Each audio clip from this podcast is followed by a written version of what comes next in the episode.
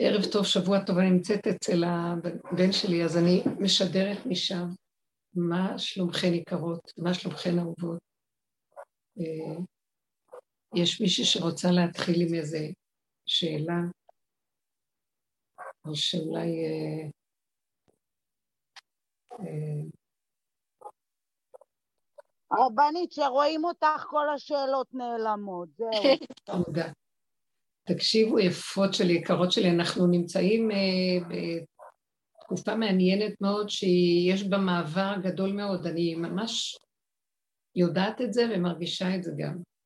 זה המקום הזה שהמוח נופל. המוח, כשאנחנו מדברים על המוח, מה זה בעצם כל השנים שחקרנו על המוח שאנחנו חיים תרבות העולם? זה סגנון חשיבה, זה הכל אה, תרבות שבאה מצורת חשיבה. והחשיבה היא תמיד או ימין או שמאל, ומשהו קורה עכשיו שקו האמצע מתגלה, וזה לא חשוב. זה לא חשוב הימין והשמאל. שם מתחיל להיות גילוי החידוש של אה, האפשרות של גילוי האלוקי. תקשיבו, אנחנו גם מאוד מדומיינים מה זה אלוקי.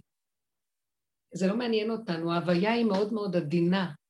ההוויה היא מתגלה בקו האמצע, בקו של הרגע, שאנחנו לא נותנים למשמעות ולפרשנות ולצער של המוח אה, להוליך אותנו, הוא מוציא אותנו מהרגע. אז כל העבודה והתרגול עכשיו צריך לבוא רק על נקודת הרגע.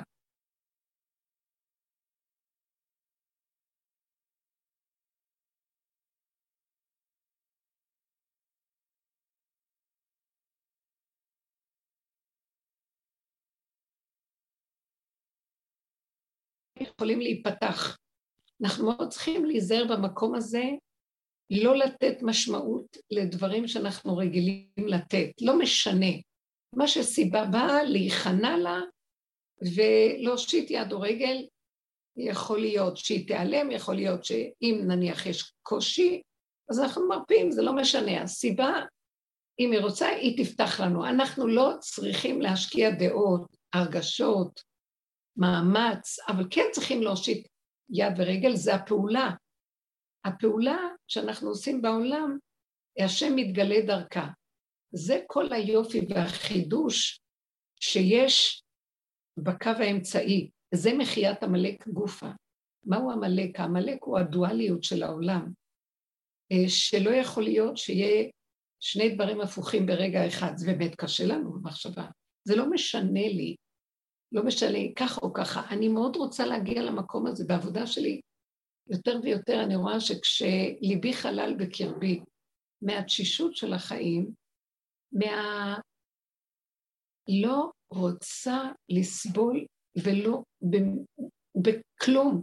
אני מסכימה לכל דבר ונתכנסת בו, בלי להביע דעה, בלי לפחד, בלי לקחת את המוח רחוק, איך שזה ככה, נקודה וזהו. המקום הזה, הוא פותח משהו חדש. מחיית העמלק זה מחיית המשמעות, מחיית הפרשנות, ולהיכנע לסיבה של קו האמצע. זה מקום שעכשיו צריך לתרגל אותו. אה, אני לא מוכנה, המוח צריך להיות ריק. ריק ממשמעות, כלומר זה וזה שווה זה. אה, אני, למשל, אני השבת הייתי בבית של הילדים, הם הזמינו אותי לשבת, אני באמת בדרך כלל לא אוהבת ללכת, אבל זה היה טוב. עד שעה מאוחרת גמרתי את אלון, וזה היה במקום. וכשאני פה, גם הייתי אצל עוד בן אחד שהם גרים קרוב, אז סעודה פה, סעודה פה, ואני נהנית מהם, ואני מחבבת אותם ואוהבת אותם, אבל ראיתי את ההבדל, אין לי, כאילו נעלמה אחיזה.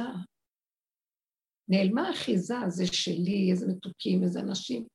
כן, קצת גינוני העולם, אמרתי תודה כמה פעמים, שהכינו אוכל טוב, ושטרחו, אבל הכל היה בשקט, לא היה אכפת לי אם אני אהיה פה או אהיה שם, הלכתי מאחד לשני, זה הלכנו שנינו, בעלי ואני, וגם אה, באו זה, זה היה מאוד פשוט. לא היה אכפת לי, כאילו, אני הגעתי לבית הכנסת, אה, הקריאה הייתה בעשר וחצי, והגעתי שלוש-ארבע דקות אחרי, וכבר גמרו את הקריאה. וברגע שעמדתי שם, אה, לא היה אכפת לי שלא שמעתי, שהפסדתי. ואמרתי לעצמי, לא משנה כלום. אה, בתודעת עץ הדת והמצוות שלה זה הכל בידיעה, באמירה הפשוטה שלה, בשמיעה של מה שקורה הבעל קוירה.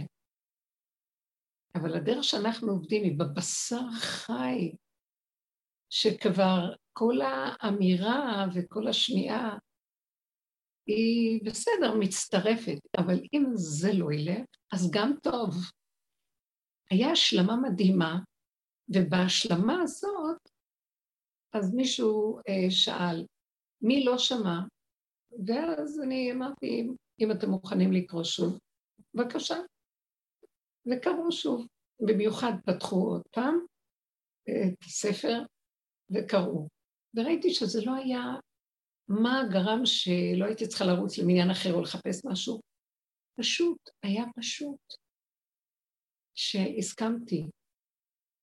אין לי כוח להתרגש. אנחנו צריכים להגיע למקום הזה שההתרגשות, אה, יש, יש, ההוויה היא נעימה, יש מתיקות, יש רגיעות, היא ברגע, אבל התרגשות לוקחת אותנו ומפליגה אותנו לצדדים, ואנחנו צריכים להיזהר ממנה. עכשיו כבר אפילו אין לי כוח להיזהר ממנה, היא לבד נעלמת. אם אני ישר אומרת, לא, אין לי כוח. אין לי כוח להתרגש, כי זה גורם לי צער במשהו. אה, גם אפילו אם זה דבר מאוד שמח, זה מאוד מאוד מאוזן ומדויק. כבר אין לנו את הכוח גם להתרגש מדי מכלום. חיובי, ככל שיהיה חיובי. אין, מש, אין משמעות, כאילו יש משהו חלול, ושם ההוויה מתגלה. זה כמו המשכן שהוא עכשיו, אה, בתוכו יכול להתגלת, להתגלות האור של השם יתברך, שהוא רק רגע, גם הרגע שלו זה לא רגע מוגדר, אבל זה מין רגע פשוט. ולא אכפת לי כלום. אני, לא אכפת לי, כאילו, אני מרגישה, היה לי ידיעה עם הנושא ש... שדיברנו עליו, מחר יש את ההתרמה הזאת יום, יום ראשון ושני. נכון, כל הזמן התרימו, אבל מחר עושים את השוונג. והיה לי לרגע שאמרו לי בנות, מה קרה? זה היה משונה, זה היה, לא, לא הבנו. אנשים לא מבינים מה זה להתרים לבית כנסת או דברים כאלה. ואני שוב פעם חזרתי ואמרתי לעצמי, וואי, איך התבזיתי. למה הייתי צריכה את כל הסיפור? מה אני צריכה להתבזות פה בכלל? ומה זה קשור? ואז פתאום קלטתי שה... מה זה קשור לדרך שאנחנו מדברים ודרך האמת? ואז ראיתי שהאמת זה הרגע, משהו הביא לי הרגע, ונזרקתי, כן, ילך טוב, לא ילך טוב, תבזו טוב, אה, ייקחו את זה לא בביזיון, טוב, הכל טוב, זה לא משנה. לא אכפת לי, לא אכפת לי.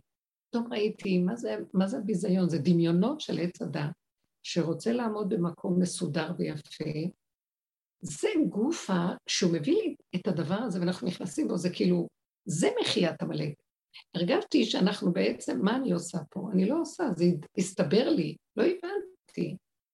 אז הסתבר לי שאנחנו בעצם על ידי הפעולה הזאת מוחים את העמלק של הדעה וההשגה וההבנה, ונכנסים במקום שיכול להיות ביזיון. למה ביזיון? ביזיון זה כתוצאה מדעה. יש חברות שמי שעושה משהו מסוים זה מאוד מכובד, ומי שעושה את אותו דבר בחברה אחרת זה נראה מבוזה. זה לא משנה, זה מה שהחברה מקבעת, זה לא משנה. באמת הפשוטה היא לא משנה, משנה, משנה הרגע והסיבה שדוחפת את האדם, ומה אכפת לו כלום? אם אני נאמנה לה, אין לי כאבים. זה כל התכלית, אין לי כאבים. ואז אני רואה שהוא אומר לי, הפעולה הזאת שאת משהו, שאלתי אותו גם, מה, הסיפ, מה הסיפור פה? אז הוא אומר לי, את באת לכל השיעורים האלה, רב אושר שלח אותך, ירדת, היית זנב לאריות ונהיית ראש לשועלים. הלכת לכל מיני מקומות, כל מיני אנשים, יצאת מהעולם החרדי, בעצם הדרך הזאת, קשה מאוד לדבר אותה בעולם של דעת, של עץ הדת, של החיובי, שכל הזמן שואף לשלמות ולחשיבות, של קדושה וצדקות, כמו שהוא מפרש. והוא הוציא אותי ללכת, הוא אמר כאילו, לכי שמה. הקצוות, שיש נשמות בקצוות מדהימות, שצריך לקבץ אותן, והם יקבלו את האמת. כי זה נשמות גדולות, שהם נדחו, הם נמצאים או חילוניות, או כל מיני מקומות שלא כמו שאת אה, נמצאת בתוכנית של אה, סדר והשתלשלות, ותוכנית של מידת הדין, אדם עשה ככה, מגיע לו ככה. אה, אדם צולע אצלנו, צריך לקבל אחד שיש לו גם איזה פגם אחר. אי אפשר... אה, תמיד מחפשים לאיזה אחד שהוא צולע, נניח, שידוך שגם יש לו איזה משהו גם כן פגום. מידת הדין, כדבר זה כן, זה כן. האדם נדרש לעמוד על עומדו, האדם נדרש להתאפק, לעשות דברים, הוא לא יכול לחיות בהפקרות. אמר לי, לכי, לכי מהמקום הזה, ולכי תדברי דרך האמת, תעשי לחפשי נשמות, תלקטי כמו הפנצטה, שהייתי כמו הפנצטה של רבו של השם. וככה הגעתי אליכן ודיברנו, וראיתי נשמות מדהימות שהגיעו, שהתלבשו שנים על גבי שנים בדרך, איפה לא הסתובבתי בלילות, בימים, בכל מיני מקומות, בכל מיני קצוות נידחות, ונשמות מדהימות שהיום אני, אני פשוט מודה להשם שזכיתי להכיר בתוך הדרך הזאת. איך נכנסו לאמת ולקחו על עצמם, וגם אה, לא היה קל, כן? כי זו אמת שהיא שוחטת גם, שוחטת את הדמיון, ולא היה קל. ואז, כאילו הוא אומר לי, עכשיו את רואה, אתן רואות, קיבלתם אמת, ואתם במקום אחר לגמרי, מה שאפילו העולם שיש בו ערכים גבוהים, אבל הוא חי בדעת, אין לו, האמת היא מארץ תצמח, היא שייכת לבשר ודם, היא שייכת למקום של העולם של הככה, העולם הפיזי הפשוט שיש בו מחשבה ופעולה ברגע אחד. חפצו קשורה ביכולתו. ברגע שהוא חפץ משהו, ברגע אחד, שמה מתהווה הדבר. אין, אין בין המחשבה לבין ההוצאה לפועל פער.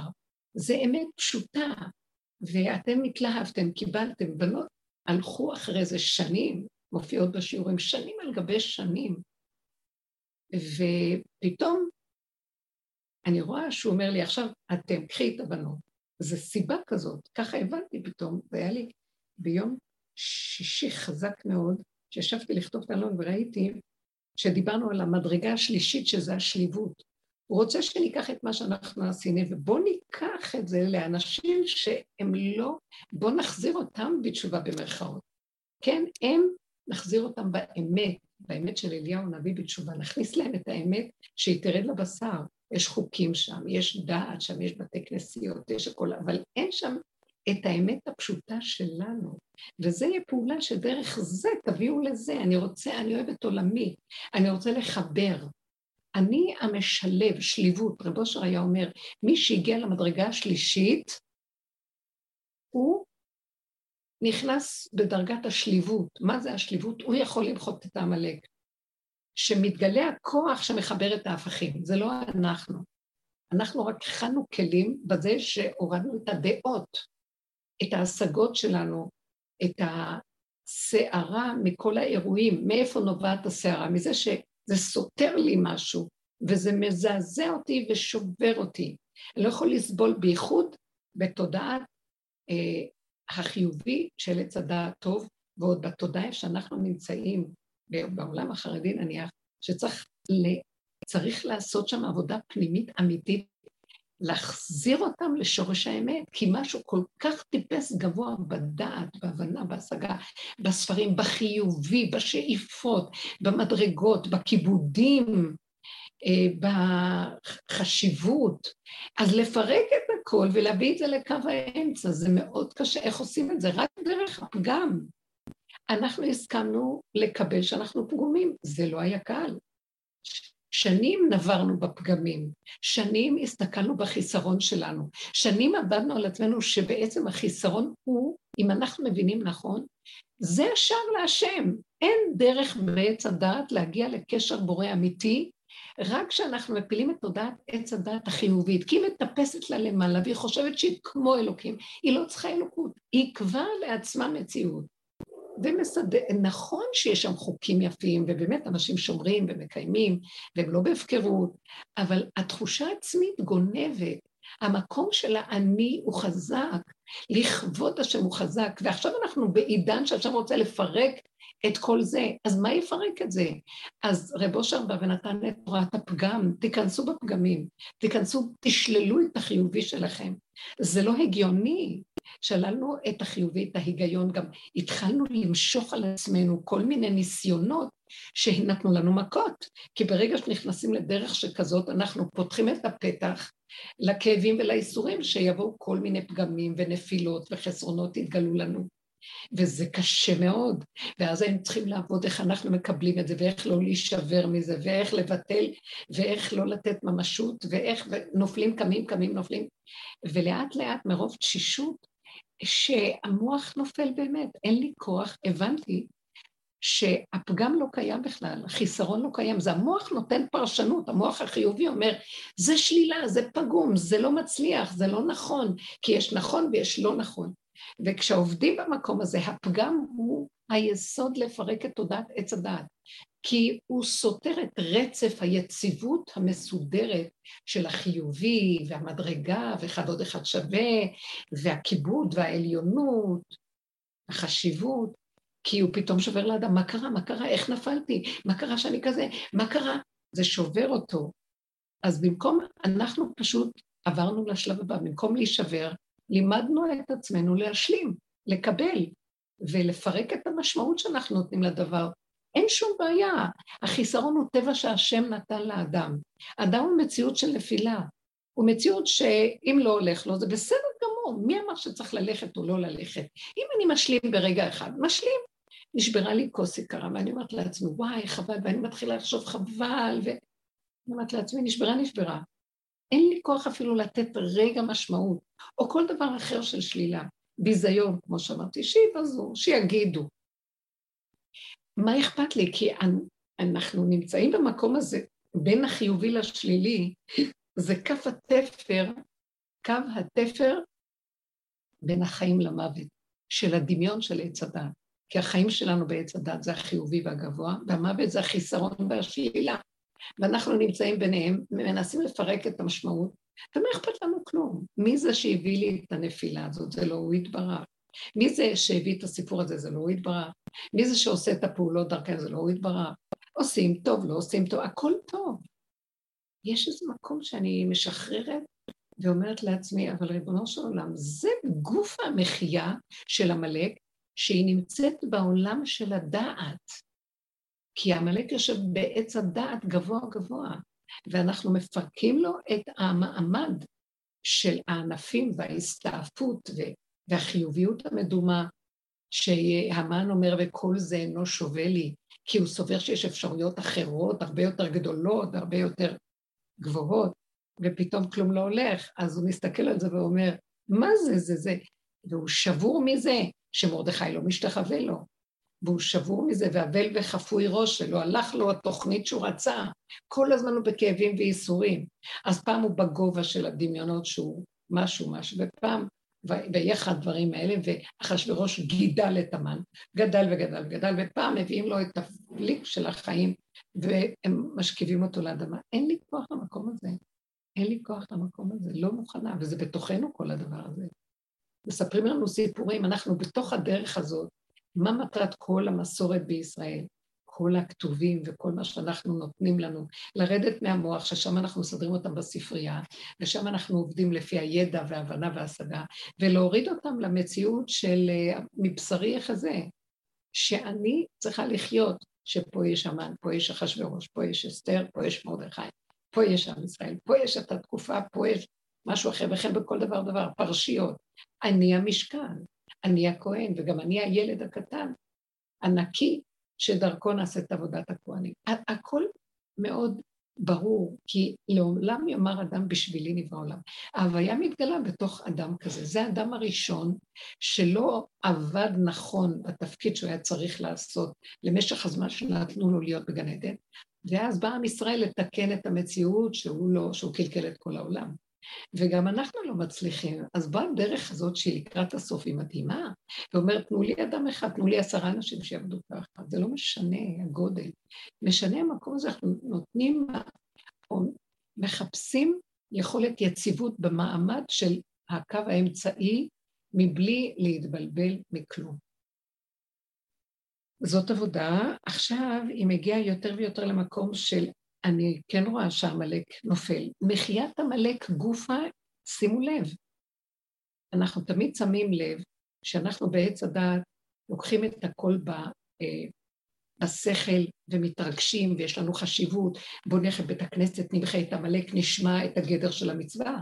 שזה מה שחכמים נתנו לנו. אנחנו עדיין תחת חוק עץ הדעת, עדיין תחת חוק ההשגה וההבנה והפרשנות והמשמעות. אז אנחנו נותנים לזה משמעות ורצים למחות אותו, ושונאים אותו, וכועסים עליו, ומוחים אותו, ורוקעים ברגליים, ומכוונים בכל הלב, ואחר כך יוצאים והוא בתוכנו. אז בעבודה הזאת הגעתי למסקנה שכל שנה אנחנו עושים אותו דבר כל כך הרבה שנים, אז למה אי אפשר למחות אותו? שאול נמשך למלך כדי למחות את העמלק ולא עמד בזה. גם דוד המלך עשה הרבה עבודות. גם כל הדורות צדיקים עשו עבודות בכיוון הזה. עובדה שאנחנו עד היום מנסים למחות אותו. אז מי יכול באמת למחות אותו, ומה הוא בכלל? הוא הנחש שיש לו רק שתי אפשרויות, והוא לא מוכן להתפשר אה, על או זה או זה. זאת אומרת, לחיות גם זה וגם זה, אלא הוא או זה או זה. זה המקום, אין לו קוד אחר, אין לו את הקוד הזה. אז ברגע שאני באתי ואמרתי לעצמי, ריבונו שלם, אין לזה סוף. אני ארוץ למחות אותו, ואני רצתי, והלכתי כברת דרך, ואני רואה ש, שהפסדתי. ולרגע נעצרתי ואמרתי, אני לא מתרגשת מכלום, זה לא משנה לי. הרגע הזה שאמרתי שזה לא משנה לי והמשמעות נפלה לי, אם כן אני אגיד או לא אגיד, זה גוף הייתה מחיית עמלק, לא עניין אותי. לא, אני, נכון שיש גדר שאני צריכה לעשות אותו, באתי, ניסיתי, לא הלך. זה לא שלי, זה שלך. הזמנתי לשם את השם יתברך, ופתאום שואלים אותי, את רוצה שיש כאן מישהי שלא שמעה? ואמרתי, אני, הוציאו בחזרה את הספרים ושמעו, והשמיעו לי. זה לא משנה, זה בורא עולם ירד עם הסיבה שלו ונתן לו שצריך לעשות, כי הוא כתב את זה, גם זה טוב. הוא רוצה את החוקים, הוא רוצה את המצוות, אבל הוא לא רוצה שזה יהיה בגדר חיובי שלילי, הוא רוצה שזה יהיה בגדר כפה להר כגיגית, ואני מקיים. מקיים בלי רגישות, בלי אחיזה רגשית, בלי דעה, בלי הבנה, בלי הרמת ראש, הוא כזה, אני יותר טוב, או אני פחות והוא יותר. אין עולם, אין כלום, יש רגע, יש נשימה. שם אני מקיימת מה שהוא רוצה. זה הפך, הופך להביא אותו לתוך עולמו, שהתורה הופכת להיות תורת השם תמימה. הוא נכנס בעולמו, והוא נכנס בתורתו. מה שבגלות הוא איננו, כי יש את האני שלי שיודע ומבין. אז באותו רגע, גופה, שאני לא נותן ממשות למה שקורה, אם זה בדעה, אם זה בהרגשה, ואני פועל את הפעולה שלי בשקט, מה אכפת לי כלום? אם יש כזה ערך שמגיע אליי, אז באיזשהו מקום אני עושה מחיית עמלק. ועכשיו בהתרמה הזאת ראיתי, אני עושה, אנחנו עושים מחיית עמלק במוח של עץ הדעת החיובי, של המצוות שיושב בספרייה, ואנחנו רוצים להוריד את העולם לכיוון הגאולה. הגאולה זה גילוי השם. אי אפשר שמה לגלות את השם, כי חושבים שהוא יתגלה בתוך עץ הדעת.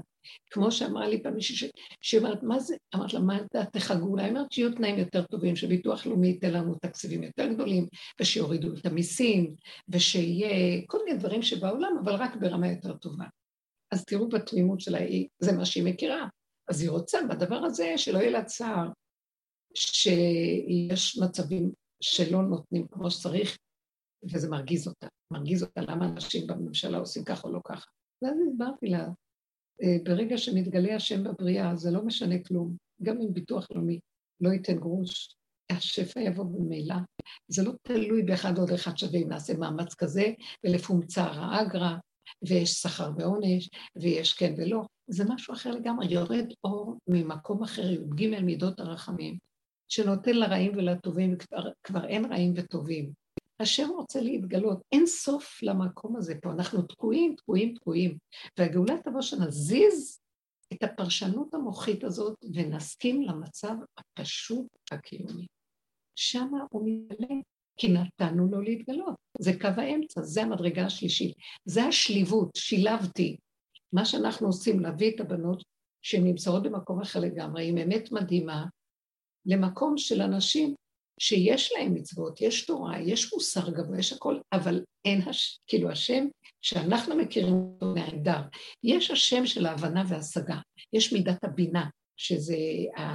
אה, שיושבת אה, ברוחניות, זה נקרא לאה, לפי המקובלים, שזה ההבנה וההשגה והרוחניות, אבל רחל, שזה עיקר הבית, שזה השכינה שיושבת פה בעולם, וממנה כל הברכה והשפע שצריכים להקים את רחל, זה הייחוד קודשא בריך ושחית והזיווג של יעקב ורחל, להקים אותו בפועל ממש, זה העבודה שאנחנו עושים, להביא את הפשטות הזאת לשם. אם אנחנו סוגרים את המוח ועושים את הפשטות הזאת, אנחנו בעצם מחברים עולמות. גם אנחנו צריכים לקבל מהמצוות, אנחנו צריכים לקבל מהאור שיש שם. יש שם אור, השם אוהב את התורה שלו, השם אוהב אה, יש שם צדיקים, אבל אין שם, בואו, אתן מבינות מה אני אומרת? אין שם את האמת. יש צדיקים, אבל צדיקים לעצמנו. זה לא צדיק אמת שיורד למטה, כמו משה רבנו, ואומר, אין לי כלום, עשיתי הכל, אבל לא, זה לא כלום שלי. כאן יש תחושה של ישות ועצמיות, ואת זה אנחנו באים לפרק פה. הוא מפרק את דרכנו, זה אפילו אנחנו לא באים. אז הוא מלביש את הסיפור הזה עלינו, ואני מרגישה שזה ירומם את כולנו למקום נוסף חדש. כי יש כאן איזו שליבות, התקללות. הוא רוצה שנתקלל, הוא רוצה לחבר את העולמות. הוא לא רוצה שיהיה חרדים וחילונים, או דתיים וחילונים, או כאלה וכאלה, הוא רוצה את, ה, את העם שלו אליו. אנחנו לא יודעים עכשיו, הכל מעורבב פה, אבל כשיש חיבור, אלה יורדים, אנחנו במקום הזה שבאנו עלינו לכאן, ואלה ירדו לשם, והכל מתחבר ומתקלל, והוא מתגלה ומחבר את הכל. זה לא קשור אלינו פה כלום. האם מישהי רוצה להגיד משהו ולתת איזה דיבור? אני רוצה... עינב. הרבנית עינב ביקשה אולי הסבר קצת יותר פשוט אה, לאלון, אה, על מה שככה כתבת ביום אה, בשבת. אני צריכה שאלה ספציפית, אלון היה חזק. שאלה ספציפית, מה שדיברתי כן. עכשיו היה קשור לזה גם, שמה שמפריע לעולם זה הפגם, להכיר את האמת. אנחנו לא מוכנים להשלים עם, ה, עם הפגם ולקבל שאיך שזה ככה, בלי להתבלבל. הפגם הוא השער להשם. תסכימו לכל השלילה. תסכימו שהמוח יגיד לכם טיפשה, מנצלים אותך, כל מיני דברים, תש, תסכימו. תסכימו להכל. נכון, כי ככה זה וזהו, זה, מה אכפת לי? כל אחד ואיפה שהוא מונח. מה אכפת לנו? אה, לא להכניס את המוח והפרשנות והמשמעות שלו.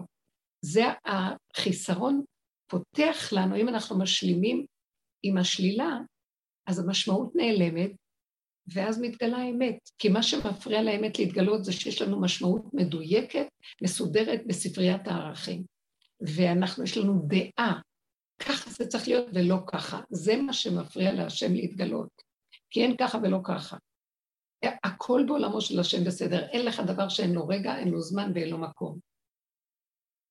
אז ברגע שאני חיה ברגע, יתגלה הבורא שברגע, ויכול להיות דבר שבדרך כלל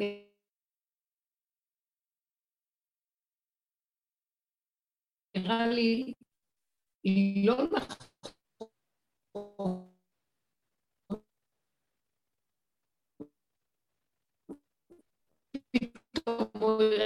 נכון.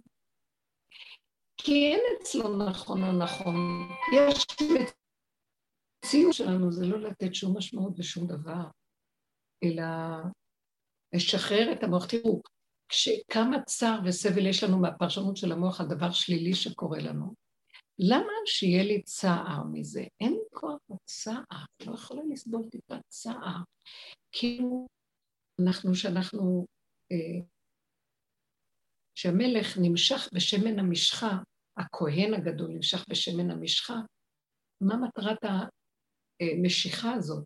שלא יהיה שום דבר של המוח שיכול להאחז איזה זיז של דעה, של הבנה, של השגה, שוטף אותנו. השמן, שם אין. אין כלום. אין שם כלום. יש בורא עולם. חי וקיים, זה שלו. עכשיו תקשיבו, אני בעולם הגשמי, אבל בלי משמעות. זה כמו ילד קטן, הוא בעולם הגשמי ואין לו משמעות, והוא ילד טוב, הילדים טובים, שמחים בעולמם. רגע משהו מפריע להם, אז הם בורחים לרגע, אחרי רגע משהו זז ומסתדר. זה, מה שמפריע זה שאני מקבע את המשמעות, ואני רוצה לשחרר את הקיבוע. אין לי משמעות לכלום. אנחנו עושים את העבודה שלנו ונשארים קרובים מאוד לעצמנו ואומרים, רגע, בסדר לי, נוח לי, בלי דעה, שימו לב, זה לא בסדר לי מטעם הדעות, מטעם מרגיש נוח, רגוע, אני, אה, שמח לי הרגע, מה אכפת לי? אני יכול לעשות מה שאני צריך הרגע, אני עושה מה שאני יכול. אני לא רוצה לקבע דעות.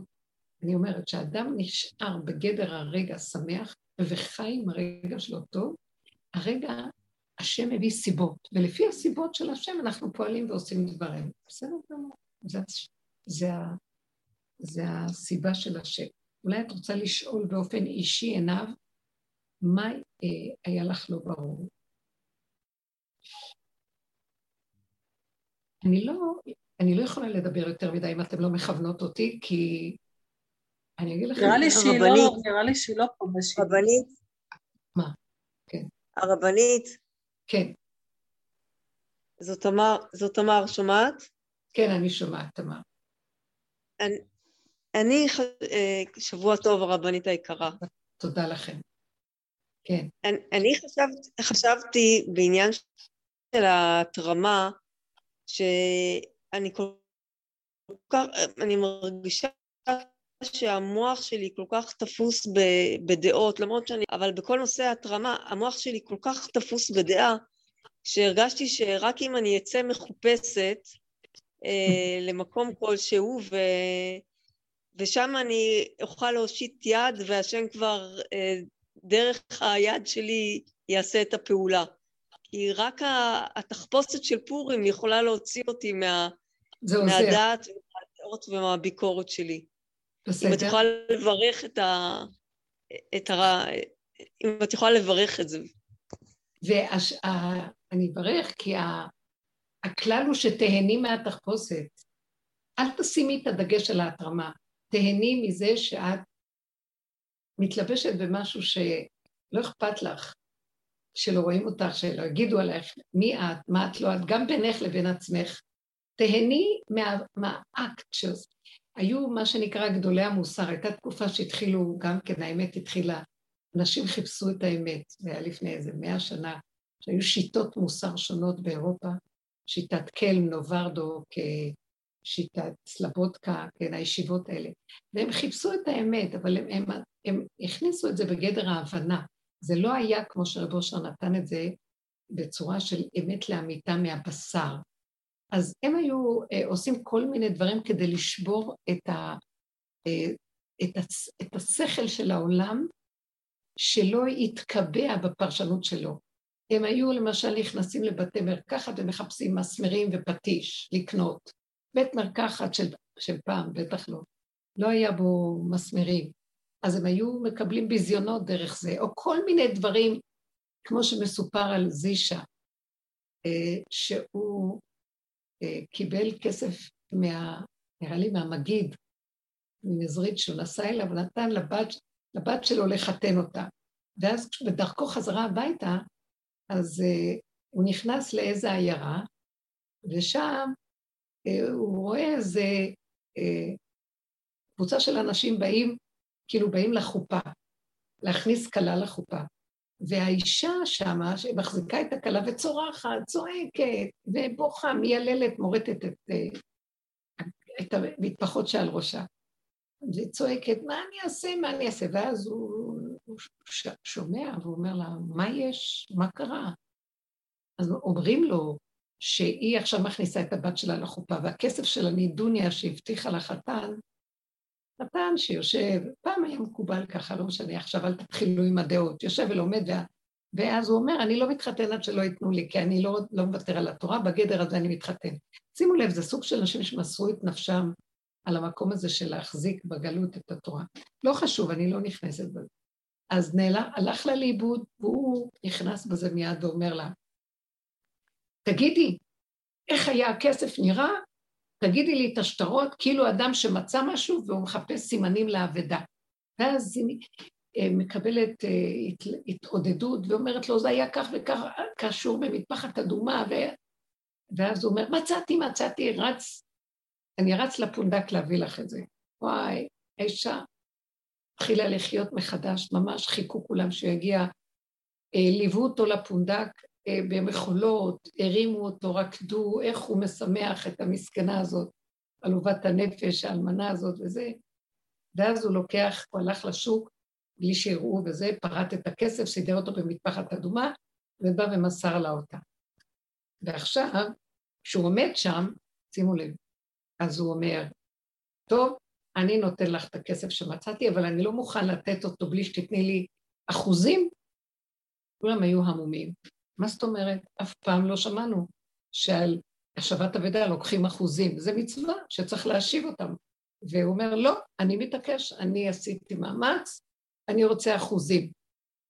ואז כולם, במקום לעשות אותו אה, גיבור הסיפור, התחילו לתת לו מכות, דחיפות, בעיטות, אה, השאירו אותו תלוע, קרוע, בלוע, רשש את מותך, ברגע אחד כל ההילה שנתנו לו נעלמה, והם לקחו את הכלה ואת כולם ועזבו אותו מתבוסס שמה במכותיו. ואז כשהוא קם, אז הוא אמר, אה, הוא אמר לעצמו, אה, אז אישה, הצדיק הגדול, אה? בא לך השטן ואמר לך איזה צדיק אתה, איזה גדול אתה, עץ הדעת, כן, החשיבות, איזה מצווה עשית, שימחת אלמנה, הכנסת את תומה לחופה, אין עליך זישה, הבת שלך צריכה להתחתן והכנסת מישהי אחרת, אין עליך זישה, חץ בעיניך, הוא אמר לו, אתה חושב שאני אתן לך לשגע אותי? הנה הביזיון, שהוא הכניס את עצמו למצב הזה של הביזיון וביטל את המקום הזה של החיובי, הגיבור, הנערץ, והכניס את עצמו למצב הפוך, ביזיון, חרפה, זרקו אותו הצידה. אה, זה, זה סיפור משהו מדהים, באמת. יותר קל לקבל מכות מאשר אה, לקבל מכות אחר כך מהרום, מהמוח. בדיוק, בדיוק. הלוא במילא אנחנו מקבלים מכות. אז למה שלא נעשה? הכל פורים ונהפוך הוא. הכל שטויות, הכל צחוקים. בנות, אל תיקחו את החיים כאן כל כך. אז תתחפשי ותצחקי ותעשי מה שאת רוצה. מה שבא לך ואיך שאת רוצה, ומה שיהיה זה טוב. לא לקחת ברצינות כלום, לא בשלילה. הרבנית, אנחנו מחופשים בלאו הכי, אנחנו לא יודעים את זה. אז זה הנקודה, שעכשיו כדאי לנו לדעת שבמילא הכל כאן תחפושת, ואנחנו מאמינים בדמות כזו או אחרת, אבל מה זה הפורים? שעד דלא ידע, מתגלה שבעצם זה לא משנה אם זה ארור המן או ברוך מרדכי, זה דבר מזעזע, תקשיבו, זה לא קל לעבור למהלך הזה, אבל אה, כי הוא, הוא גרם לנו מוות, הוא הרג אותנו. מה, לא משנה היטלר מה שהוא עשה בשואה, לא משנה האינקוויזיציה מה שהיא עשתה, אלא באו לומר לנו, אני לא יכולה יותר להכיל סבל של המחשבה מה שעשו לנו. שנאה של האדם אה, על מישהו או על משהו אוכלת אותו גופה. אין לי כוח כלום. מה שעשה, השם עשה. מה שהיה, היה. לא שאני אלך לאהוב אותם, בשום אופן לא. אבל גם אני לא אלך לשנוא אותם, אני לא אלך לשים אותם במוח שלי. נכון, אין לי כבר כוח לכלום, גם מחיית העמלק שאנחנו מציבים לה, מצווים, תמחה אותו מתחת השמיים, זה מעץ הדת אנחנו פועלים ומנסים למחות אותו, וככל שאנחנו מנסים למחות אותו עם הרגשה והבנה ומשמעות, הוא גודל דרך זה, כי ההתרגשות שלנו מפרנסת אותו. אני מעבירה אותו להשם ואומרת לו, זה שלך, לא שלי. תמחה אותו, תפרק אותו, זה שלך הכל, זה לא שלי פה כלום. תרחם עליי, אני רוצה להיות כגמול עלי אמו, כגמול עלי נפשי, הנה הידיים והרגליים, בגדר הזה נעשה מה שאפשר. יותר, לא שלי פה כלום. תרחם, ואתה תברך את הפעולות שאנחנו עושים בגדר הזה, שמה שאתה רוצה יתקיים, זה נהנה, וגם אני לא מוכנה להיות חסרה. לא רוצה לסבול, לא רוצה אה, שיהיה לי צער, לא רוצה לחץ, לא רוצה מתחת, אני רוצה לשמוח ולהודות. אז אם זה מתקיים ככה, זה גוף המחיית עמלק. שזה נהנה וזה לא חסר באותו רגע. כי בתודעה היהודית של הגלות חייבים לסבול, חייבים להילחם, חייבים, כשזה נופל זה קם, כשזה קם זה נופל. אין לנו כבר כוח לדבר הזה. אנחנו על ידי המקום הזה שעומדים באמצע, ולא חשוב מה הוא הביא לך, תמרי הוא הביא לך במוח דבר מאוד חכם, מתוק. בואי, תעשי תחפושת, לכי לאיזה מקום ותרקדי, תעשי מה שאת רוצה, תאספי איך שנראה לך. אפילו משהו, תהני מזה. זה מקום שהוא שלח לך, העיקר שתהני ותשמחי. ואם שמת לך אה, באמת אה, יעד לעזור, זה הוא שם לנו. הוא רוצה ככה, שיהיה ככה, רוצה ככה, שיהיה ככה, מה שהוא רוצה. אני לא רוצה להיכנס ברצינות אמיתית לכלום. רק לפעול פעולות, וכל הזמן לשים את הברומטר על הרמה, איפה אני בתוך זה נוטרלית. לא שייכת לכלום, לא קשור אליי כלום, לא רוצה. דעו לכם, זה המקום שעכשיו מתחיל להתגלות. הוא לא רוצה שנעבוד קשה, הוא לא רוצה שנעמול, הוא לא רוצה שנשתעבד, הוא לא רוצה את תודעת החיים פה, הוא רוצה לפרנס אותנו בכבוד עד אלינו, ומה זה בכבוד? שאני, המוח שלי קטן וחי את הרגע, הוא לא יודע כמה הוא צריך ומה הוא צריך, הוא צריך להרגע, הוא ייתן לי להרגע. הוא צריך לעשות איזה דבר עכשיו לפי סיבה, עכשיו הדבר שאני עושה. דרך זה הוא יחבר אותנו. לא אם אני אעבוד כך וכך חמישה ימים בשבוע, שישה ימים בשבוע, ואני אקח עוד עבודות, אז יהיה לי יותר הכנסה, יותר זה כלום. זה דבר שהוא עובד והוא רואים את ה... רואים את.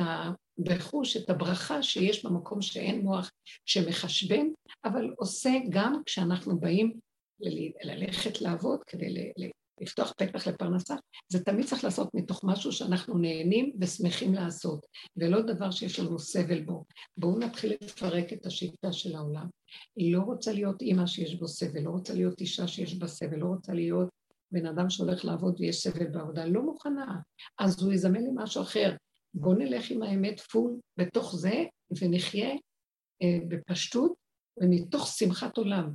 והוא מתגלה שם. הוא יביא לנו את מה שצריך, הוא יביא את השידור שצריך, הוא יביא את הפרנסה שצריך, הוא יביא את השמחה עם הילדים, והוא יביא מה שאני מרגישה שהכניסו אותי לזה, אני אומרת, מה שאני עושה, אני עושה, וכל השאר מה שיביא יביא, והכל בסדר גמור. ויש בזה משהו טוב. נוסף, שיש לי הכרה פנימית מאוד מאוד עמוקה, שדרך זה הוא מחבר את ההפכים ומעורר את הנרדמים, הוא מקרב בימים אשר בני שי חי. זה זכור אהבת קדומים, והחיי הנרדמים, וקרב בימים אשר בני שי חי. זה מאוד יפה, זה כתוב בנביאים. הנקודה שלנו היא להבין שזה המקום שאנחנו מגיעים אליו, ותדעו לכם שזה יעשה עכשיו רושם בעולם. בואו ניכנס למקום הזה, תראו שזה יתחיל לעשות רושם בעולם. כמו שאנחנו רואים, שכולם נבהלו מהמלחמה הזאת ברוסיה, אבל פתאום אין לה משמעות. כל העולם הנאור, שהוא יציל אותנו מהרוע, והוא יעזור לנדכאים ולנחלשים, ומפני השליטים העריצים, אנחנו רואים, אין אף אחד שם, אין אף אחד שמתערב ועושה שום דבר. זה לא משנה ככה, זה לא משנה ככה, הכל מתגלה במערומיו. זו פעולה שהשם שם בעולמו הדבר הזה, אני לא יודעת למה. זה בורא עולם רוצה להגיד לנו. אתם לא יכולים להביא לא מחשבותיי, מחשבותיכם. מה שאני עושה, עושה. אתם רוצים להציל כמובן, כמובן, בואו, תצילו את ה... בואו נגיד את האוקראינים מהמצב. אף אחד לא קם, אף אחד לא עושה איזה משהו. אז מה אם כן הסיפור? זה לא שלי, זה שלו. ואני אומרת לו, אבל שלא יהיה סבל בעולם, ושיהיה שמחה בעולם, ואתה, דרך כל המציאות שאתה מתגלה, שלא יהיה לאף אחד לא יתרון ולא חיצרון. תתגלה ותסדר את עולמך. ושזה יהיה ברחמים. זו התפילה שלי תמיד. זה אחד הסימנים שאני רואה שהוא מתגלה בצורות שאין בהם היגיון, אין בהם סדר עולמי והיגיון.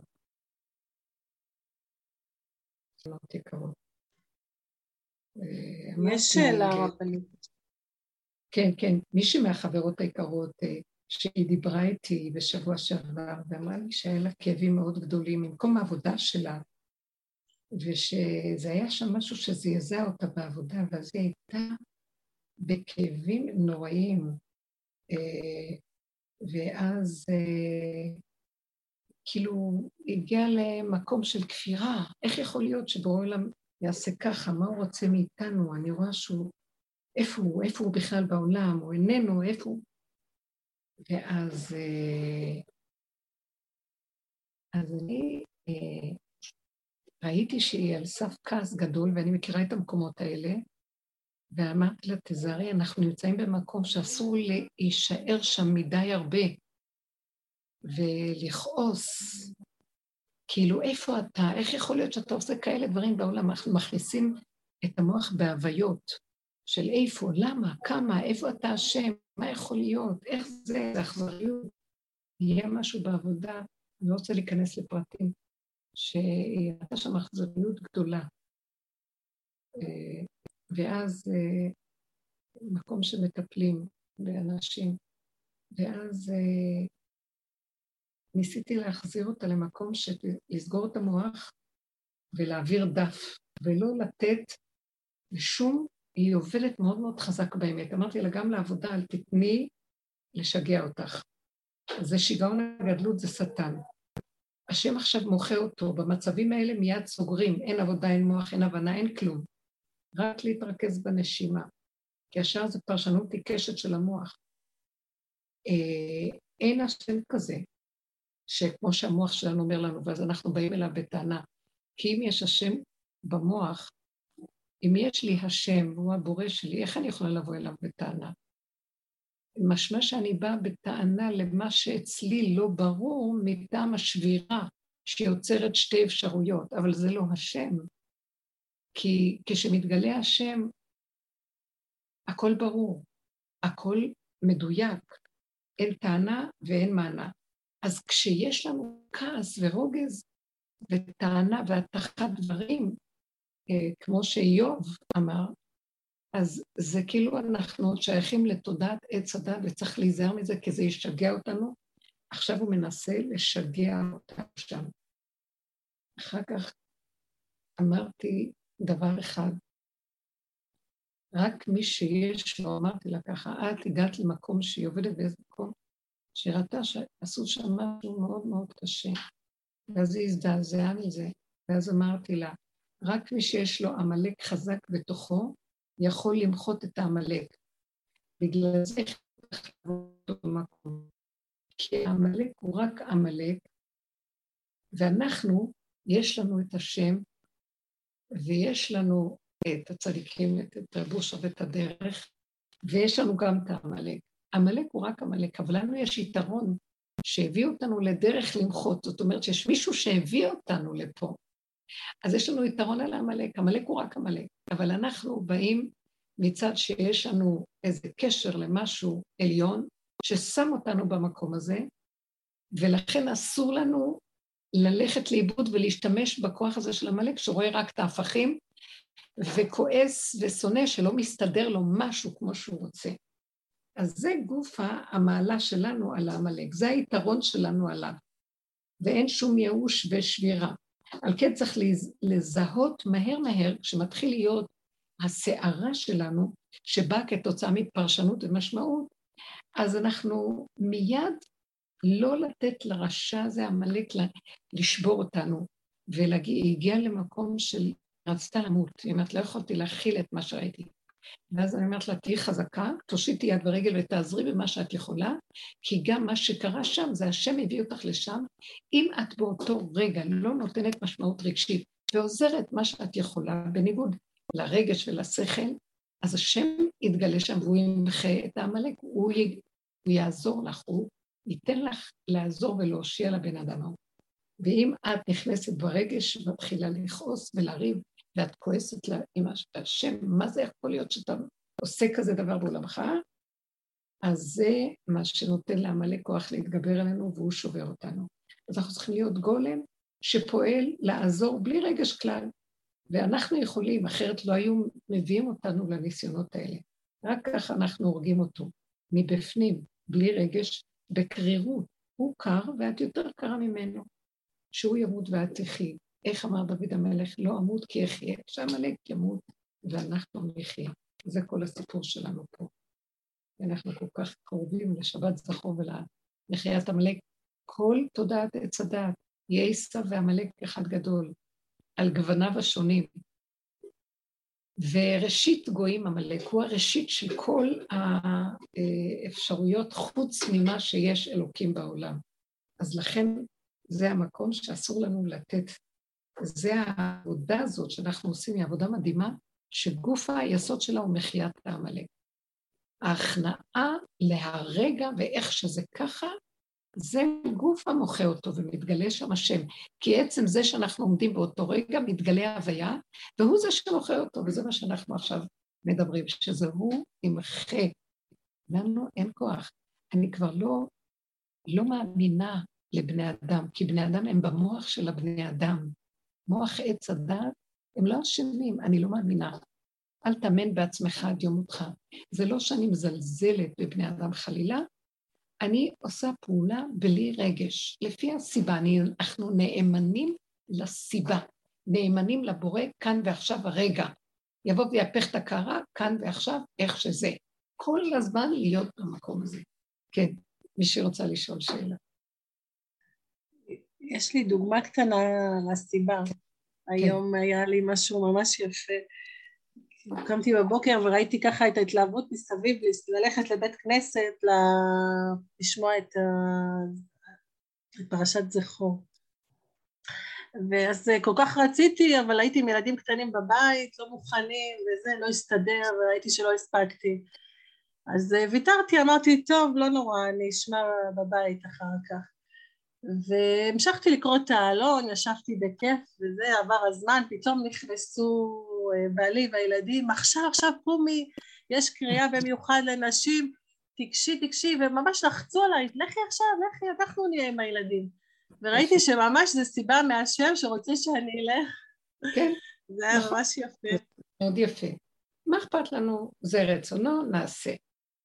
אבל עצם גופה שאנחנו לא הולכים עם האש הזאת של עצמנו ומזדהים עם הכן ועם הלא, הוא מתגלה, ומה שצריך להיות יעשה. אז עובדה, אתם רואים שהוא רוצה שנלך לשמוע? והוא גם רוצה שנלך ונעזור לבית כנסת. יש לו סיבות פנימיות בתוך כל הדברים שהוא עושה לנו. אני רוצה להביע דעה, אני רוצה להושיט יד, ושיהיה לי זכות. מה זה זכות? זה לא זכות, זכות חובה. שיהיה לי הזכות שאני עושה את רצונו, כי ככה הוא רוצה בעולמו. כי ככה הוא רוצה. את נלחמת עם זה? לא, אני לא אלך, כבר ויתרתי? לא. ראית שזאת הייתה סיבה, הם הריצו אותך, קחו אותך, מה אכפת לך? תלכי. זה מקום יפה, ככה אנחנו רוצים לקיים את התורה. אז היא הופכת להיות תורת השם. חוקות הבריאה, יש שם אלוקות. לא צריך את האני הצדיק שבא לגאול את השם ולעשות דברים בעולמו. בעץ הדת כן, כי עץ הדת יש בו הרבה רוע, ואנחנו לא רוצים שיתגשם הרוע בעולם, כי הוא מחריב עולם. אז אנחנו הולכים על החיובי ועל הטוב, אבל גם החיובי מתגלה לנו שהוא בעצם גנב, הוא גונב.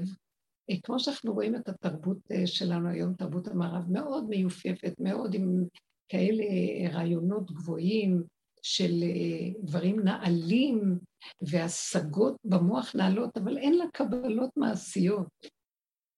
זה לא טוב, אז זה לא אמת. אז מה אני צריך לטפס לגבהים כשבא רגע קטן של ניסיון אני לא עומד בו ואני לא מכסה את כל מה שדיברתי, אפילו לא בשנייה או במשהו, אז לא שווה, זה לא שווה. עדיף לשתוק. לך דומיית תהילה. זה המקום החדש שאנחנו פועלים ושמחים עם מה שעושים, ורגע כזה ורגע כזה, ועושים אבל, אבל זה עושים, אנחנו לא רשאים לברוח, כי הבריחה הזאת לא טובה. ירדוף אחריי ויביא לי משהו אחר. אז אני פועל ועושה, והכל ברמה שאני נהנה, ועושה מה שהוא מבקש ממני לעשות, אם זה בכלל נראה, שהוא מבקש ממני, כל אחד ואיך שהוא מרגיש. הנקודה שלנו זה ש... אה, אני רוצה להתאמן על המקום הזה שאני פועל ואין לי שייכות לפעולה. זה המקום החדש שמתגלה. זה שמה נמצא השם, לא ברעש השם, כל דממה דקה. הרעש הוא מהאגו הפנימי, מהמוח שהוא מסדר לי את מערכת החיים. כל דממה דקה. ככה וזהו. ככה וזהו. מוחק את המוח חזק, אני היום מאוד מאוד עובדת לא לתת משמעות יותר מרגע. ויכול להיות שהרגע יתמשך לעוד רגע והכל בסדר, עוד רגע ועוד בסדר. וחיה, יש איזה משהו, חיים קצת את הסכנה, אנחנו בתוך העולם, שלא נתרחב ולא נצא מהגדר של הרגע. הרגע זה עכשיו הישועה. שם מתקללים ההפכים, שם מתגלה אור של הוויה, שהוא יסדר את עולמו בצורה שאנחנו לא מבינים אותה, ולא אכפת לי גם לא להבין. לא רוצה להבין. יכול לעשות דבר של הפוך, והכול מסתדר, ולא אכפת לי, זה לא שלי. אני רוצה להתאמן על הנאמנות אליו, לגילוי ההוויה ברגע, ולא למוח של הספרייה שלי, שיודע מה כן, מה לא. אני, אני רוצה להתאמן על זה. זה המקום שלנו עכשיו. לא משנה לי, לא אכפת לי. ברגע שאני מתחילה להידלק על משהו ונהיה לחוצה, סימן שאכפת לי, שימה, סימן שאני, יש לי איזו העדפה כזאת או אחרת, ואז אני מבקשת מהשם, תורידו את זה לפה ותבקשו. אבא, תעזור לי, לא שייך לי פה כלום. הנשמה לך והגוף פעל לך. חוסה על המלאך, אני רוצה להיות איתך בשמחה. אני רוצה שכל מה שאני אעשה פה בעולם יהיה לי קל, נעים, פתוח, משוחרר, שמח, משופע ברוב טובה, בבריאות, בשמחת הנפש ובריאות הגוף. למה לא, אבא? זה מה שאתה רצית כשבראת את עולמך? הנה, אנחנו נביא לך את זה. רק ככה הוא יתגלה עלינו, עוז וחדווה במקומו, ואין לבוא בלבוש שק אל שער המלך, שזה הדאגות והרצינות והבהלות וכל האחיזות שיש לנו, שהמוח שלנו עושה לנו את הכאבים מהמשמעות שיש לו עליהם. תודה רבה, בנות יקרות. מה עוד יש לכם לשאול? מאוד יפה לשמוע. הרבנית, אפשר לשאול? כן, כן.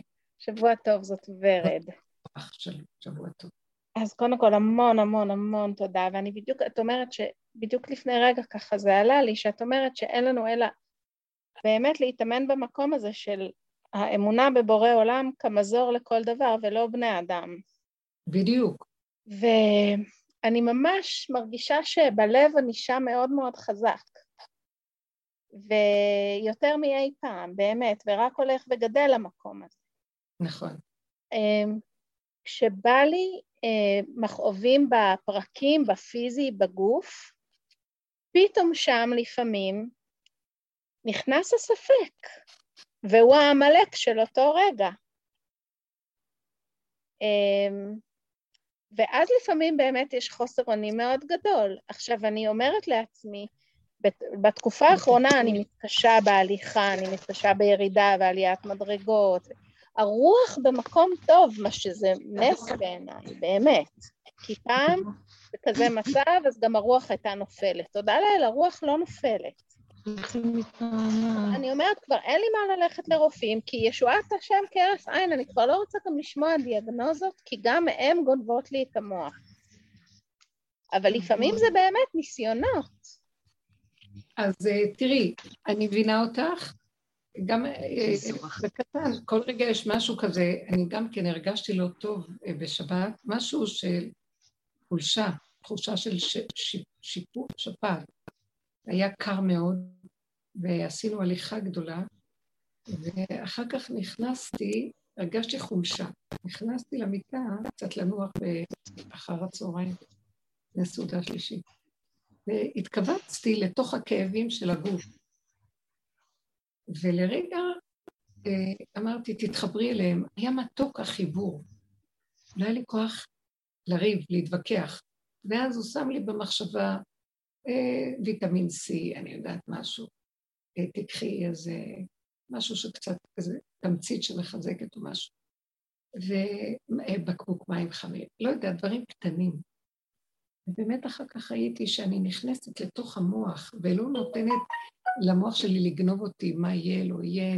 רק דבר אחד אמרתי לו, הורדתי את המחשבה לפה ואמרתי לו, אני לא רוצה להיות חולה. אני לא, אני רוצה להיות חיונית וכלי שאתה עובר דרכו, אני לא רוצה את המסכנות של החולי, אני לא רוצה רפיון הגוף. תרחם עליי ותעזור לי. אל תיתן לי שהמוח יתרחב ויקבע את הדברים. ושם תמיד אני, כשאני זורקת את התפילה הזאת ונכנסת בשקט לחוות את הכאבים של הגוף, כי יש בזה, היה כאב בגוף, אני ראיתי שהכניסה לתוך כאבי הגוף משחרר משהו, בייחוד עם הדיבור. וכאילו פעם, פעמיים, קמתי, עוד פעם, נשכבתי, ואחר כך ראיתי שזה עזר לי. המים החמים עזרו לי, הבקבוק חם, וזה עזר, לא יודעת מה, זה היה בורא עולם, זה לא משנה. אבל ראיתי שהוא הביא לי את המחשבה. כשאני הייתי במקום של הסכמה לא להילחם, לא להקשות ולא להגיד מה קרה, לא קרה, איך זה קרה, כן קרה, אני שמתי לב, זה התחיל כבר ביום שישי, שאני אימצתי את עצמי מאוד באלון כמה שעות טובות, ברמה שהיה מאמץ גדול, ומשהו בתוכי אומר לי, את עוברת את הגבול של המאמץ. ו... ואז לא הייתה לי ברירה, המשכתי עוד קצת ואחר כך הפסקתי. ואני ראיתי שכשאני עברתי את הגבול במשהו של האיזון, אז אחר כך הגוף כבר נחלש, ואז הגשם או הרוח שהייתה חזקה מאוד אה, נגעה בי, ואז כל זה השתלשל. זאת אומרת שהתחיל מזה שאני באיזשהו מקום יצאתי מהאיזון. אני רוצה לומר לכם, האיזון שלנו, תקשיבו למה שהגוף מדבר. הגוף אמר לי, ישבתי וכתבתי, והגוף, זה היה שעות, משעה מוקדמת בבוקר עד שעה שלוש אחר הצהריים, ושתיתי שלוש כוסות קפה, וזה החליש אותי. ואני הרגשתי שאני, היה איזה שלב, הייתי שהוא שולח לי סיבה, אה, שלא יכולתי להתרכז, אני מדברת, תמר היא עוזרת לי בדרך כלל באלון, ולא יכולתי לתקשר, לשמוע אותה. היה לי לחץ בגוף, אז הבנתי שהשם אומר לי, את עוברת את הגבול. ועוד קצת התעכבתי, ואז ראיתי, צריך להקשיב לגוף. לא, זה לא המוח, זה גוף. ואיך אני יודעת? הייתה לי מצוקה של לחץ, ואני לא הקשבתי ואמרתי, די, סוגרת. לא משנה כלום, סוגרת. המשכתי עוד, כי רציתי לגמור. אז אמרתי, לא, היית צריכה לעזוב את זה עכשיו, מה שיצא, יצא. איך שיהיה, יהיה. קצת משכתי את זה לעוד איזה חצי שעה, והרגשתי אחר כך איך זה החליש אותי לאורך כל הזמן. אני אומרת לוורד, שמה שאני, עלה לי כשאת מדברת, אני לא יודעת מה, אבל התזונה היא מאוד חשובה, זה לא שכלי אפילו. להיות מאוזן, לאכול פחות, ולהיות מאוד מאוזן אה, בכמויות שאנחנו אוכלים. הגוף צריך להיות קל ולא כבד, ולא צריך, זה סתם, אני אומרת לכם, העמלק הזה שנמחה עכשיו, הוא גם יעזור לנו מאוד בקלות, בלי להתאמץ, לעזוב אחיזות. אם זה בקפה, אם זה באוכל, אם זה בצורת חיים שאנחנו התרגלנו אליה וקשה לנו ל, אה, לריב איתה. אנחנו צריכים להכניע. אני לא רוצה לריב עם כלום, אבל הדבר הזה מפריע. זה נתון מפריע, הגוף הזה, השם לא ברא אותו שהוא צריך כל כך הרבה חומרים, שהוא צריך כל כך הרבה אוכל, שהוא צריך... זה המוח אה, מפתה אותנו לזה, זה המסכנות של המוח. ולכן ראיתי שכדאי לנו, זה גם קשור לכבדות, זה קשור לגוף שכואב, לשחרר אותו מהרעלים, זה סתם כדאי, ואני יודעת שהצמצום של מחיית עמלק, שאנחנו חיים עם הנשימה של הרגע, מאוד יעזור לי לוותר, לוותר על אה, אחיזות שנראות לי שאני חייבת ובלעדיהן אני לא יכולה. לא. והשם שם יתגלה, ברגע שאני מקשיבה לאותו מקום, שם הוא שולח לי רפואה וישועה, והוא עוזר לי לשחרר. מה שנראה לי פה במה שאת אומרת, שהכאבים בפרקים זה רעלים. מה שאני חושבת, צריך קצת לשחרר את הגוף מרעלים, ולא צריך להשקיע יותר מדי, אבל פחות, יותר, יותר לשתות, יותר דברים נקיים, פחות אה, להכניס לגוף, להקל עליו, לשחרר אותו. אה, אני לא בעד שום שיטות ריפוי ולא כלום, כשזה הופך להיות שיטה. אבל אני יודעת שכשהגוף הוא חלש, אסור להעמיס עליו אוכל, אסור להעמיס עליו דברים. כאילו אנחנו בורחים, המסכנות שלנו והכאב בורח לשם לנחם את עצמנו. אנחנו צריכים לשחרר וללכת בפשטות. הגוף מתנקה ויכול להכיל את עצמו. זה גוף אלוקי, יש לו חוקיות. השם ברא בבריאה חוק, חוק הטבע בלי עץ הדת, בלי משמעויות, אבל הגוף צריך להיות מאוזן, קו האמצע, פשוט, שהוא ייהנה בקטן מהדברים. כל עבודה שאנחנו מגיעים אליה, שהצמצום של הזמן יהיה הרגע, הצמצום של המקום יהיה כאן, צמצום הגוף יהיה ביחס לכאן ועכשיו, אה, ובמקום שאני נמצאת, גם פחות חומר להכניס לגוף, פחות שאיפה לגדלות, פחות, פחות חומרים בתוך, פחות צורך לדברים. התרבות שלנו היא כאובה ויכולה, שהדעת היא גורמת לה את ההתרחבות ואת הגדלות ואת אה, ההרעלה של הגוף. השם ייתן לנו שמה רגיעות ומנוחה, ותבקשי שלא יהיה לך צער כשאת מוותרת על אוכל או על משהו שאת רגילה. שלא ייתן לך צער, שזה יהיה טבעי ופשוט, בלי מאבק, בלי מאמץ, בלי מלחמה. אני רוצה שהוא יאזן אותי, אני אומרת לו, תאזן אותי, שאני אגיע למקום איפה שבראת את הגוף הזה, שהוא יהיה בריא, חיוני, נקי ודופק לפי הקצב של הזמן והמקום שבראת בבריאה. לא לפי המוח שגיד, שהוא מתרחב ומקלקל לנו את החיים, מקלקל את הגופים דרך הדעות. והכל הדעות שהשתבשו והתרחבו, גם הגופים אה, מתקלקלים דרך זה. השם יעזור לנו. זה נראה לי ככה, אני לא בטוחה. אמן ואמן, אני לוקחת הכל. כן, כן, גם לי זה, אני ראיתי את זה. למשל, כשהרגשתי את הגוף כאוב, אז אמרתי, אני לא יכולה לאכול סעודה שלישית, אבל אנחנו נוהגים לאכול סעודה שלישית, אז לקחתי רק את הלחם שאני צריכה. ממש מעט, ואחר כך גם. הרגשתי שהגוף, כשהוא לא מרגיש טוב, הוא לא צריך. אה, וזה עזר לי, זה הרגיע אותי, אני מרגישה שהצום מרפא את הגוף, זה לא, זה לא לצום, אבל זה לא להעמיס, זה המקום, להתחיל לאזן את עצמנו בכל דבר. תקשיבו יקרות, אני מבטיחה לכם, ההתמקדות ברגע יאזן את הכל. בלי מאמץ נרגיש איך שאנחנו משילים מעלינו דברים. אה, אני רואה את זה.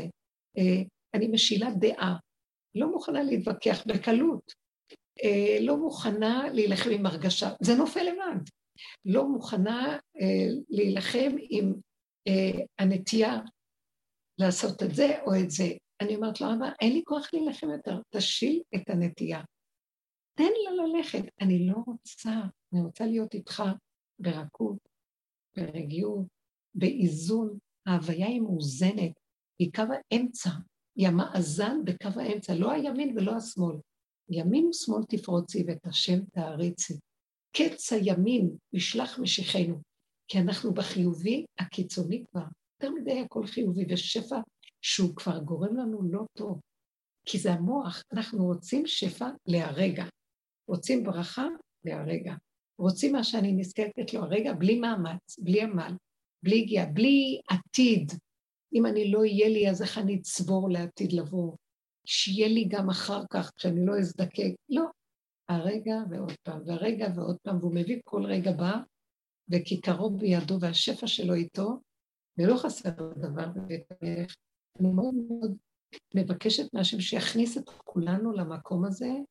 אה, זה המקום שעכשיו הפסח הזה, בעזרת השם הפורים, פורים זה יום סעודת הפורים עצמה היא מוחה גם כן, יש לה גם סגולה למחיית הספיחים שעוד נשארו. והשם ייתן לנו שמחה וחיות ורגיעות ממנו. אני, כמו שוורד אמרה, רוצה להיות נאמנה לרגע שמה הוא נמצא. ההוויה מתגלה. לא יכולה יותר לסבול את הדעות והמחשבות והרגשות. אין לי כוח, זה, זה, זה מסלף, זה מרחיב אותי. זה לא, זה לא שווה לי כבר. אה, אנשים משועממים, אז הם הולכים למלא את עצמם בתכנים שהמוח אומר להם. אני לא רוצה להיות משועממת. ילד לא משועמם, הוא חי את הרגע והוא נהנה מהרגע שלו, ואף פעם לא משעמם לו שם. יש התחדשות, גילוי ההוויה המתחדשת, משמחת את הלב, והיא זורמת דרכנו, ואנחנו כלים לגילוי שלה. מי שעובר דרכו, אור ההוויה, לא חסר לו דבר. זה בריאות, זה שמחה, זה חיות. שם יש את השכל הכי גבוה לרגע. שם יש את ההרגש שמגיע לצורך, החשק של הדבר, לרגע. שם יש את הפעולה בתפקודיות, בקטן ובפשטות, בלי מאמץ והתרחבות. הכל מדויק, הכל אה, שמח וחי וקיים, ואין עוד רגע עד הרגע הבא. מה אכפת לנו? הלוואי ונזכה לזה. תדעו שזה עובד, תתעקשו על זה חזק חזק. אני מברכת אתכן. אם אתן רוצות עוד שאלה, הרבנית, רק רציתי... הרבנית, כן. רציתי לומר בעניין המשפט שאמרת שבוע שעבר, עית לא ידע נתיבו, זוכרת? אה, כן, נתיב עית לא ידעו. זה כתוב באיוב. לא. אז אני ממש מרגישה שהמשפט הזה מקביל אה, אה, עד לא ידע. ממש. זה, מאוד זה- אהבתי. זה יפה. העית הוא עץ הדת. הוא הנץ הזה. ש- הוא עץ הדת, וגם יש לו עוד עניין שהעית יש לו יכולת ראייה מאוד מאוד טובה. ובעצם אה, עם ראייה כזאת הוא לא יצליח לראות את הנתיב של עם ישראל. בדיוק, תקשיבו. ובעצם זה גם העניין של התבטלות הדעת, כמו שאת אומרת, שזה עץ הדעת. העית, אה, מאיפה באה הדת? העין היא הכי גבוהה בפ- בפנים. היא גבוהה והיא קשורה כבר למוח. מה שאומרים עיני השכל. שכל כבר נמצא, העיניים מסמלות את השכל. והעית יש לו עין חדה, אבל הוא לוקח את השכל והוא מתרחב איתו וגונב אותו ונאחז בו ומסתעף איתו ומתבלבל איתו והוא משתלשל אחר כך והוא עושה רע איתו בעולם. וזה, העית הזה לא טוב לנו. אנחנו רוצים את המקום הזה של הרגע שהעית לא יודע איפה הוא, כי העית חי בשתי האפשרויות, או בימין או בשמאל. והוא לוקח את הדעת שלו ושם אותה כל הזמן מתפלסף ונהיה נאור, או בחיובי או בשלילי, או להזיק, או גם מזיק, גם החיובי היום מתגלה כמזיק. אי אפשר להאמין, לא בחיובי ולא בשלילי, כל מה שראינו בימים של הקורונה בשנים האלה, שהכל מתפרק ואין לנו אמון במערכות, והכל קונספירציה אחת גדולה, שהיא נובעת מתודעת עץ הדת. ועל כן, כשאנחנו חיים את הנשימה, זה הנתיב החדש, שהעית לא מזהה אותו. ואני אחזור ואומר, שיעקב אבינו נלחם עם שרו של עשו, המלאך. כי שהוא- בעצם אין נתיב. כי בעצם אין נתיב. כי אם אנחנו חיים את הרגע, אין נתיב. בדיוק. אנחנו לא זה, הולכים לאיזשהו נתיב, אלא אנחנו חיים את הרגע. זה לרגע. כן. זה משהו שמוליך אותנו פתאום באיזה זווית שלא ראינו קודם. Mhm. נכון. פעם סיפרתי איזה חלום שהיה לי, שאני עמדתי אה, על, כמו שהייתי בכותל, הידיים שלי על הכותל ואני מתפללת. כותל של אבנים, כמו הכותל. ואחרי איזה פרק זמן אני מסובבת את המבט שלי לאחוריי, ואני רואה שאני עומדת, שהמשבצת שאני עומדת עליה היא אולי 20 סנטימטר, ולמטה פעורה תהום מזעזעת. ואני מבוהלת נורא, כי פתאום אני קולטת איפה אני נמצאת, ולא ידעתי. בהתחלה אני אני שעונה על איזה כותל ומתפללת. ופתאום ראיתי את המקום הזה, ולא ידעתי מה לעשות, ואחז אותי פחד חילו רעדה. ואני צועקת להשם, אני אפול, בשנייה אחת אני נופלת בתהום, תחזיק אותי, אני לא יודעת מה לעשות. אחרי, בחלום אין לזה זמן, פרק זמן אני רואה שפתאום לוקחים לי את המבט של העין ומסובבים לי איזה זווית ראייה לאיזה מקום מילוט, פתח מילוט, שלא ראיתי אותו קודם בכלל, ומוסיפים אותי מהמקום. זה נקרא נתיב עית לא ידעו. Mhm. כי על פי שכל יש כאן תהום, והמשבצת 20 סנטימטר. איך אני לא אפול? כל תנועה הכי קטנה אני נופלת. הרבנית, זה דלת הסתרים של עליבאבא, שהוא אמר סום סום ייפתח. אני לא מכירה את זה כל כך, אבל יכול להיות. וואי, לא יודעת, איך את יודעת על עליבאבא ו-40 השודדים, ואת לא יודעת על הסום... זה דלת סתרים שהם לא הצליחו לפתוח אותם, והסיפור הקוד היה אה, סום סום ייפתח, ואז זה... כן, יכול להיות. יש הרבה דברים שמופיעים בחוכמת האומות גם כן, ששייכים להכרה, אבל שם זה דיבורים והבנות. אנחנו כאן רוצים לחיות את זה, זה ההבדל. שצריכים לחיות את זה ולא רק להבין ולדבר על זה. וזו הנקודה שהשם שם מתגלה, והוא מוביל אותנו, אז זה הרגע. ניתן לו, נספק לו את העניין של הרגע ונתאמן על זה חזק. ולא לתת למוח העולם ההרהורים והמחשבות וההבנות וההשגות להוליך אותו אה, להתרחבות של האפשרויות. זה נתחיל לעצור אותו ונחזור עוד פעם ועוד פעם ועוד פעם. הוא יביא לנו שכל באותו רגע, בדיוק מה אנחנו צריכים לעשות. הוא ייתן לנו שכל הכי חכם. הוא ייתן לנו את ההרגש הכי נכון לאותו רגע, וגם הפעולות יהיו קלות ופשוטות ופתוחות, ואין דרך עיקש. אז זה מה שאנחנו מבקשים, וזה הסכום. רבנית, רצית להגיד על יעקב אה, עם המלאך, אה, ההקשר של זה. שרו של עשיו, הוא נפגש איתו, ויאבק איש עמו. המלאך נראה לו כאיש שמתחיל להיאבק עמו, אבל הוא קלט כנראה שאם הוא ייאבק איתו באותה צורה שהוא נאבק, אז הוא יספק לו את מה שהוא רוצה ממנו, ימין, שמאל, שמאל, ימין. כתוב, ויאבק איש עמו.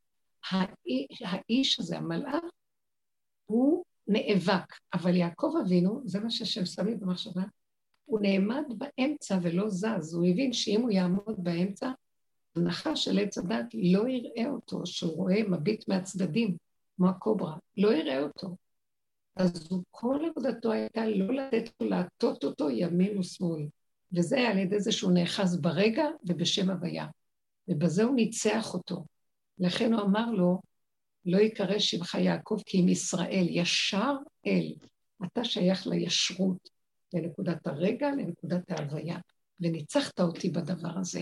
אנחנו ננצח את הכוח הזה של העמלק ואת כוח הדמיון והרגש, התפעלות והתרגשות של העולם, הם על ידי מחשבות ההתרגשות, הרגשות, והם על ידי הפעולות הרחבות שאנחנו בעולם. נצמצם ונחיה את קו האמצע, וזה הברכה שאני נותנת לנו, שנזכה לזה. מחר יש את היום. אמן. מי שיכולה לעזור במה שיכולה, אה, זה יהיה מצווה, והשם יברך אותנו ברכות גדולות, ויזכה לנו להתחבר. אנחנו צריכים לקבל כוח מעולם הטהרה של uh, התורה. מצד שני, אנחנו צריכים להביא להם את המקום של הכרת הפגם, ההכנעה, הענווה והביטול של מציאות היש. זאת אומרת, אנחנו צריכים לקבל את התורה ולהכניס בה את השם. וזה מה שאני מרגישה שהוא עכשיו עושה שליבות. הוא משלב אותנו על ידי הפעולה שאנחנו עושים. תדעו לכם, כולכם, תזכו למקום שיש קונה עולמו ברגע אחד. כי הרבה כאן בעבודה שאנחנו עשינו, יש לנו עבודה ויש לנו דרך חיים מאוד גדולה. אבל המעמד הזה של עולם התורה חסר לנו. ואנחנו רוצים להכניס אותו, אבל לא בצורה איך שזה בעולם, כי זה שלמות. זה השלמות, ייחוד קודש אבריחו שכינתה, זה הזעיר אנפין והשכינה. זה יעקב, שהוא מסמל את התורה, ועמוד האמת, יחד עם רחל, שזה השכינה, שאנחנו מקימים אותה דרך הכרת הפגם. זה פשוט שהשליבות הזאת תמחה את העמלק של הפירוד שיש בעולם ותחבר את עם ישראל על כל גווניו. אנחנו לא מפסידים בזה, דעו לכם, אחרי שאנחנו גוררים את זה, אני, משהו בתוכי מרגיש לי שהוא רוצה שאנחנו נהיה הכלים שלו לפעול בעולם, לעשות הטבה, חסד, ולעזור לעולם בכל מיני צורות. והשם יזכה לנו להמשיך ולפעול, כי זה, נצא מעץ הדת, שזה עולם ההדמיה של שכל ודעת, וניכנס לעולם של כאן ועכשיו המעשי, זה עולם המעשה של השם. מה זה עולם המעשה שמתגלה בו השם? שחפצו קשורה ביכולתו. רגע אחד שעולה מחשבה, מיד גם נעשה. בלי מאמץ, בלי עמל, בלי יגיעה, הוא מתגלה בעולמו. תורת השם תמימה. המצוות הופכות להיות חוקות הבריאה. לא יהיה ציווי. המילה ציווי מראה שאנחנו מצווים, צריכים להתאמץ, צריכים להתעקש, ואנחנו נלחמים כי ציוו אותנו, לא. אלא הכל ייעשה בפשטות, כי יתגלה הבורא בעולמו ויתקיים. התורה העליונה תתגלה, זה הלוחות הראשונים, בתוך הכלים, שזה האנשים שהשם ברא אותם לכבודו, מציאות הגולם, מציאות האדם לכבוד בוראו, וזה יסוד הגאולה. מתחיל להתנצנץ האור של הגאולה, אני רואה את זה. תישארו ברגע ותצמדו לנשימה, ומקסימום תפילות מתוך הפה. תודה רבה לכם, השם יוריד עלינו אור של תורת אמת. כן, יהי רצון. אמן. תודה רבה. כן, תורת משיח היא תורת אמת. כתוב שמשיח יבוא, והוא, מה שאנחנו כאן עושים, הוא יברר לנו את האמת שבתורה, והוא יראה לנו את דרך עץ החיים, והוא יחבר אותנו לאלוקות שנמצאת בתוך עולם התורה, כי כל הבריאה זה התורה, תורת אמת, לא התורה שנכנסה בעץ הדת ונשבתה שם בעל כורחנו, אלא זה יחזור לחיבור שנראה את השם בעולמו, וזה מה שיחבר אותנו אחד לשני בלי שום תנאים, אהבה שאינה תלויה בדבר. תודה רבה לכם, שבוע טוב. שבוע טוב, תודה רבה רבה. ברוכות, תצליחו בכל אשר תעשו, אמן, כן יעצו. תודה. אמן, תודה. תודה לכולם.